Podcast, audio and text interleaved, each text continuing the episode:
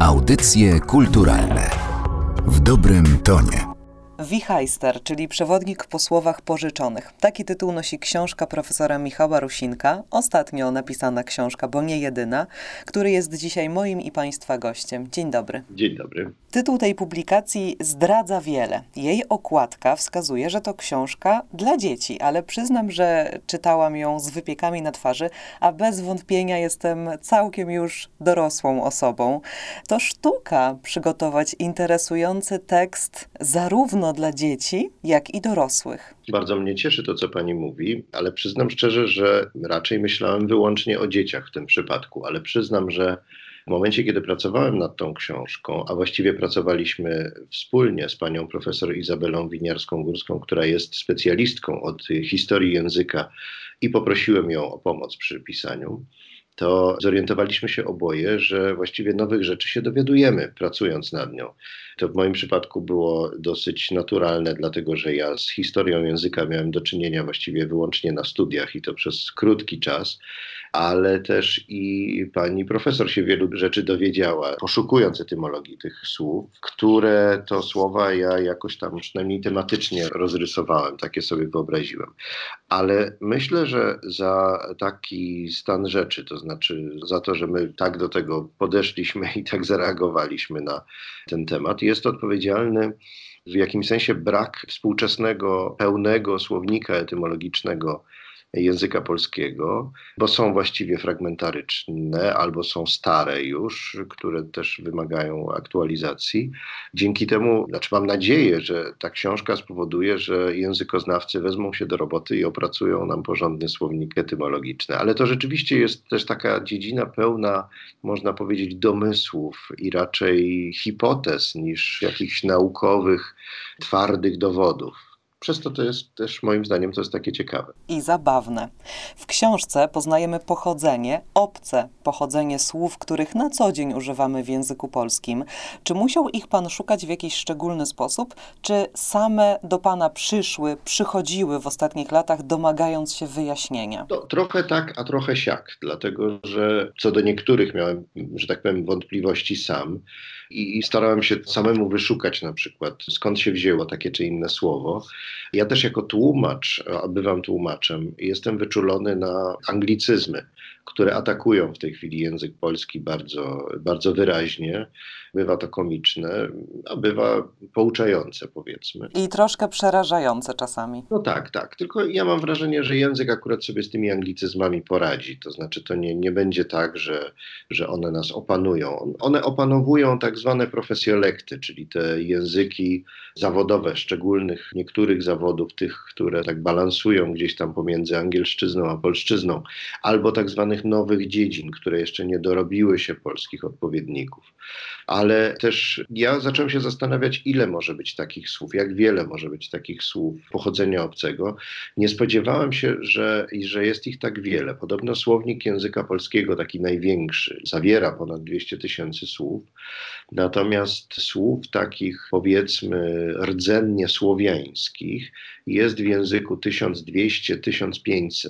Także ta dysproporcja jest, jest olbrzymia, jest ogromna. Starałem się też szukać takich słów, które z języka polskiego przeniknęły do innych. Nie ma ich wiele, dlatego że język polski był najczęściej takim, że tak powiem, przekaźnikiem tych słów dalej. Tak na przykład jest z moim ulubionym ogórkiem, który rzeczywiście z języka polskiego przeszedł do języków germańskich i skandynawskich, ale nie jest to słowo polskie, nie jest to słowo słowiańskie, jest to słowo greckie. No ale można powiedzieć, że my podaliśmy je dalej. Poruszył Pan wiele wątków, ale chciałabym się na chwilę zatrzymać przy temacie języków, z których mamy najwięcej zapożyczeń. Pierwsza myśl wskazuje, że jest to język angielski, ale wydaje mi się, że może być to fałszywa myśl, ponieważ język angielski jest nam najbardziej dostępny, najwięcej osób zna angielski, no i wydaje mi się, że dzisiaj, tutaj i teraz ten angielski, tak jak Pan zaczął mówić, dominuje, ale język należy rozpatrywać chyba w szerszym szerszej perspektywie. Jak przyglądamy się polszczyźnie w takiej perspektywie nie współczesnej, ale historycznej, no to się okazuje, że język angielski jest właściwie w mniejszości, to znaczy te zapożyczenia z języka angielskiego są w mniejszości. One oczywiście są najbardziej wyraźne, widoczne w języku współczesnym. Ja też całkiem świadomie unikałem tych słów w wichajstrze bo mam wrażenie, że, że jest w nich jakiś taki element oczywistości. To znaczy, cała ta sfera związana z informatyką, związana z komputerami, z właśnie nowoczesnymi dziedzinami, jest oczywiście opanowana przez wyrazy zapożyczone z języka angielskiego. Ale mnie interesowały te takie słowa, które są już tak spolszczone i tak bezwiednie, można powiedzieć, się nimi posługujemy, i to posługujemy się od wielu pokoleń, że nie pamiętamy o tym, że one właśnie pochodzą z jakichś obcych języków. Na przykład kawa. Na przykład kawa, ale tak, oczywiście, na przykład kawa. Pan profesor pokazuje teraz filiżankę z kawą, to informacja dla naszych słuchaczy. Ale też i myślę, nie liczyłem tego dokładnie, ale myślę, że bardzo wiele słów jest pochodzenia łacińskiego, sporo też greckiego, często przez łacinę. Ale myślę, że jeśli chodzi o takie słowa, które nazywają naszą codzienność, to najwięcej jest chyba jednak zapożyczeń z języka niemieckiego. Cywilizacja przyszła do nas z zachodu i ślady tego są bardzo, bardzo wyraźne. Ja teraz siedzę przy stole, stół ma blat, i stół należy do gatunku mebli. I to są oczywiście wszystko zapożyczenia z języka, z języka niemieckiego.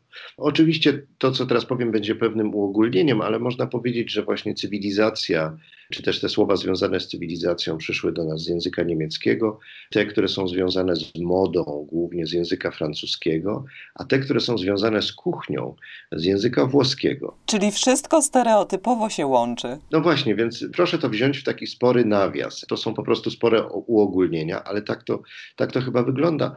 Natomiast no, na przykład dzięki temu, że Holendrzy to jest i był zawsze naród żeglarzy, to bardzo wiele określeń związanych właśnie z żeglarstwem wzięło się z, z, języka holenderskiego i to one wpłynęły, czy niderlandzkiego, i to one, one wpłynęły na, na inne języki i, i, i także te słowa doszły do, do języka polskiego. No, ale są też takie słowa, które można powiedzieć pojedyncze, które weszły do, do języków europejskich. Ja na przykład, no już dawno mi się to nie zdarzało, ale jak byłem mały, to lubiłem pić kakao kakao to jest takie słowo, z którym jest oczywiście problem, bo jest, je się trudno odmienia, a właściwie nie odmienia. Nie odmienia, właśnie. To jest to jedno z niewielu słów w języku polskim, którego nie powinniśmy odmieniać. No chyba, że mówimy kakałko. No to to jest taki wyjątek potwierdzający regułę. Ale też to jest dowód na to, że my musimy wszystko spolszczyć po to, żeby móc odmieniać. Ale w każdym razie to jest słowo, które weszło z języka już nieistniejącego, z języka Azteków.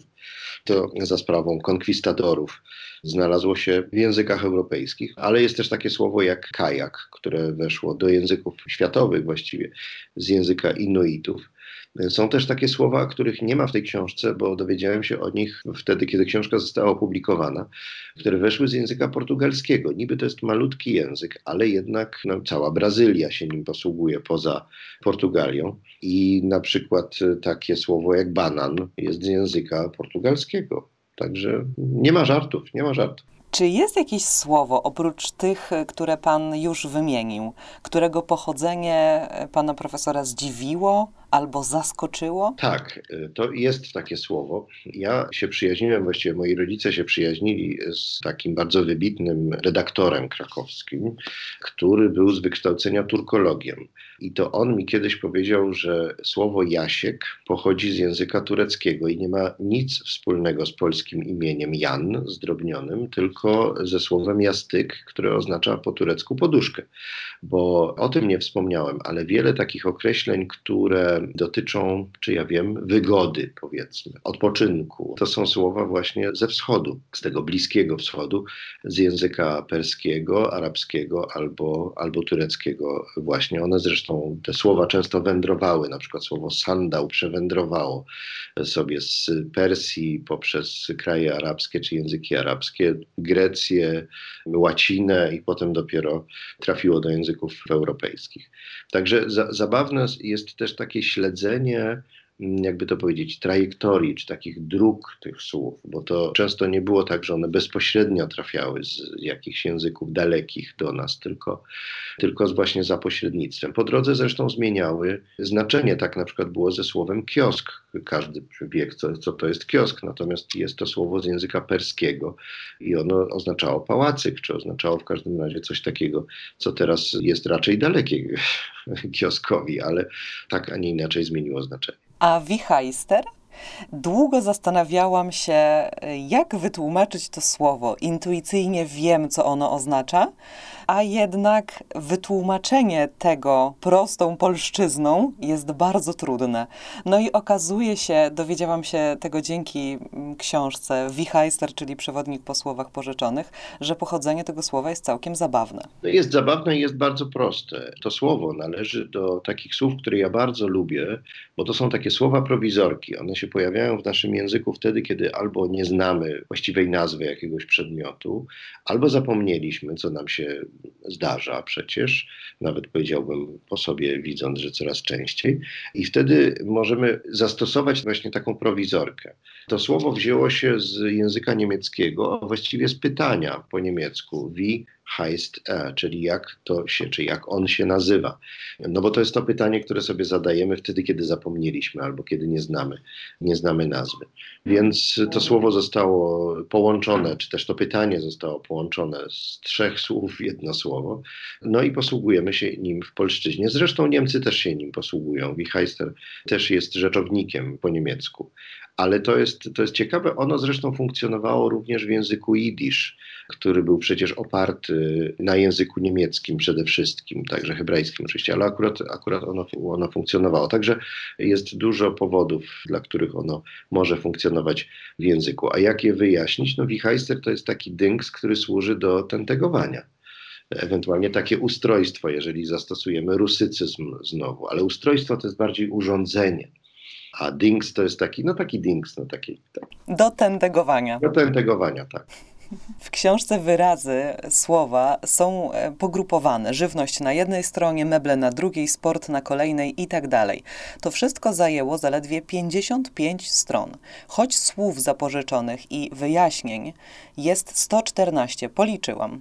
Niewiele miejsca pan potrzebował i jest to komplement, bo nie wyszło z tego opracowanie naukowe, a krótkie wprowadzenie do tematu, jak się okazuje, nie tylko dla dzieci. Pomysły były różne, na przykład, żeby zrobić słownik tych słów, to znaczy, żeby je ułożyć alfabetycznie, ale pomyślałem sobie, że to będzie po pierwsze trudniejsze do czytania dla dziecka, a po drugie utrudnię pracę mojej siostrze, która tę książkę ilustrowała więc postanowiłem jej ułatwić pracę i pogrupować je tematycznie, żeby mogła narysować jakieś takie spójne, powiedziałbym, ilustracje, które będą dotyczyć pewnych, powiedziałbym, miejsc albo, albo zestawów podobnych przedmiotów. Więc tak to sobie wymyśliłem. Tych słów jest oczywiście o wiele więcej niż zamieszczone w książce, to, to jasne, ale też postanowiłem wybrać takie, wokół których jest jakiś rodzaj anegdoty, coś można o nich powiedzieć, na przykład historię albo anegdotę. Myślę, myślę, że rzeczywiście to, tak jak pani mówi, tę książkę powinno się traktować jako swego rodzaju wprowadzenie do rozmowy. Ewentualnie, co ja polecam młodym czytelnikom, ta książka może być traktowana jako taki zbiór, czy też takie źródło sposobów na zaginanie dorosłych.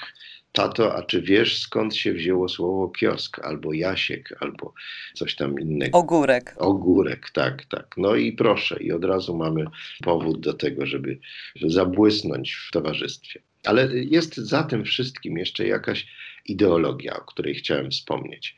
To znaczy, mnie zainspirowała do napisania tej książki właściwie przede wszystkim książka, powieść ogromna Olgi Tokarczuk, Księgi Jakubowe. A zainspirowała mnie w tym sensie, że Olga Tokarczuk pokazuje taką wizję Polski w tej książce, która była kiedyś wielonarodowa.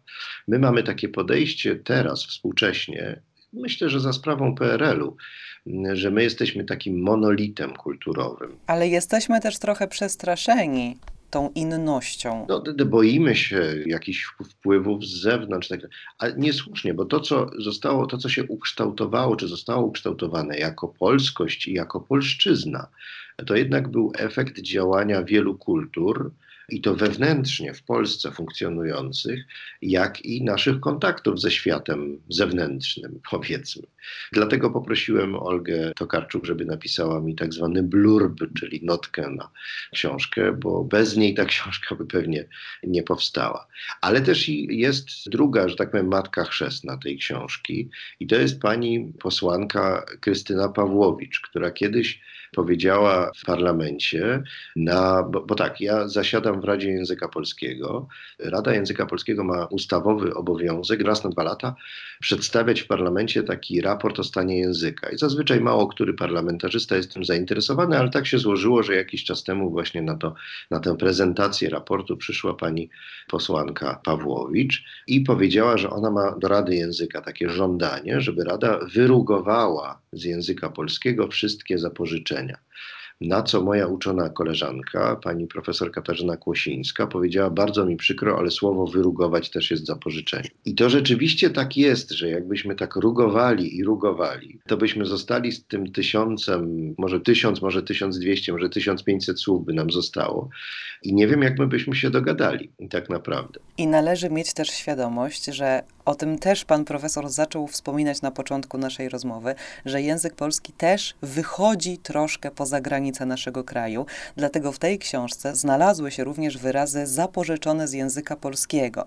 I jest to ciekawa zapowiedź pomysłu na kolejną książkę. Ha, nie, nie wiem, czy aż na kolejną książkę, dlatego że tych słów jest bardzo niewiele. I tak jak wspomniałem, polszczyzna była raczej tutaj przekaźniczką niż autorką takich słów, ale jest jedno moje ulubione, co do którego językoznawcy polscy i językoznawcy brytyjscy toczą spory, ale rzeczywiście nie bardzo wiadomo skąd w języku angielskim wzięło się słowo, wziął się wyraz spruce. On oznacza świerk, czy też drewno świerkowe. Świerk.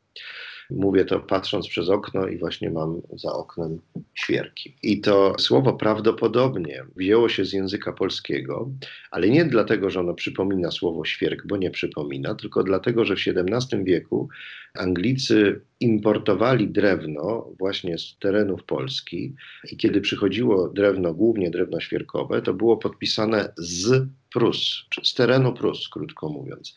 I oni ten opis, można powiedzieć, potraktowali jako, jako słowo i przejęli jako słowo do języka angielskiego. To jest wersja językoznawców polskich. Językoznawcy brytyjscy powątpiewają. Można się tego spodziewać, tak. Tak, ale na przykład taniec, które to jest słowo, które weszło do języka rosyjskiego z języka polskiego, bo rzeczywiście powstanie było czymś takim, w czym Polacy się specjalizowali.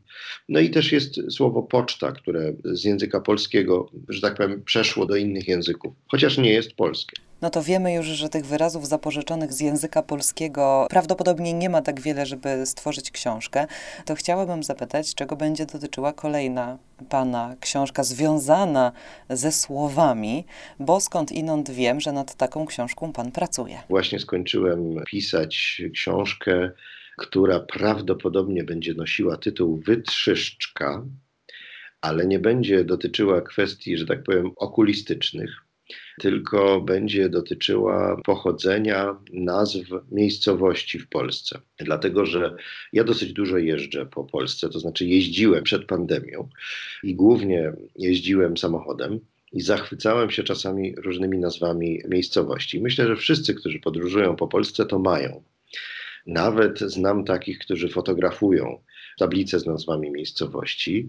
Ja w tej chwili jestem w mieszkaniu Wisławy Szymborskiej, gdzie jest dobry internet i cicho. Wbrew pozorom. Tak. I ona bardzo lubiła sobie robić zdjęcia właśnie pod takimi dziwnymi nazwami, tablicami z dziwnymi nazwami miejscowości.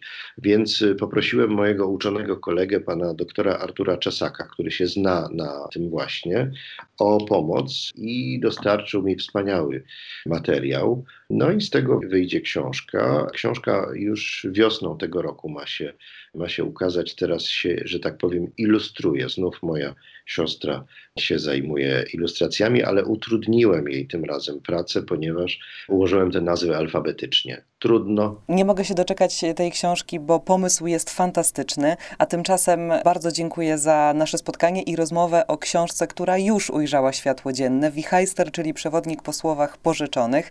Naszym gościem, gościem audycji kulturalnych był jej autor, czyli profesor Michał Rusinek. Bardzo dziękuję za poświęcony czas. Dziękuję bardzo. Audycje kulturalne w dobrym tonie.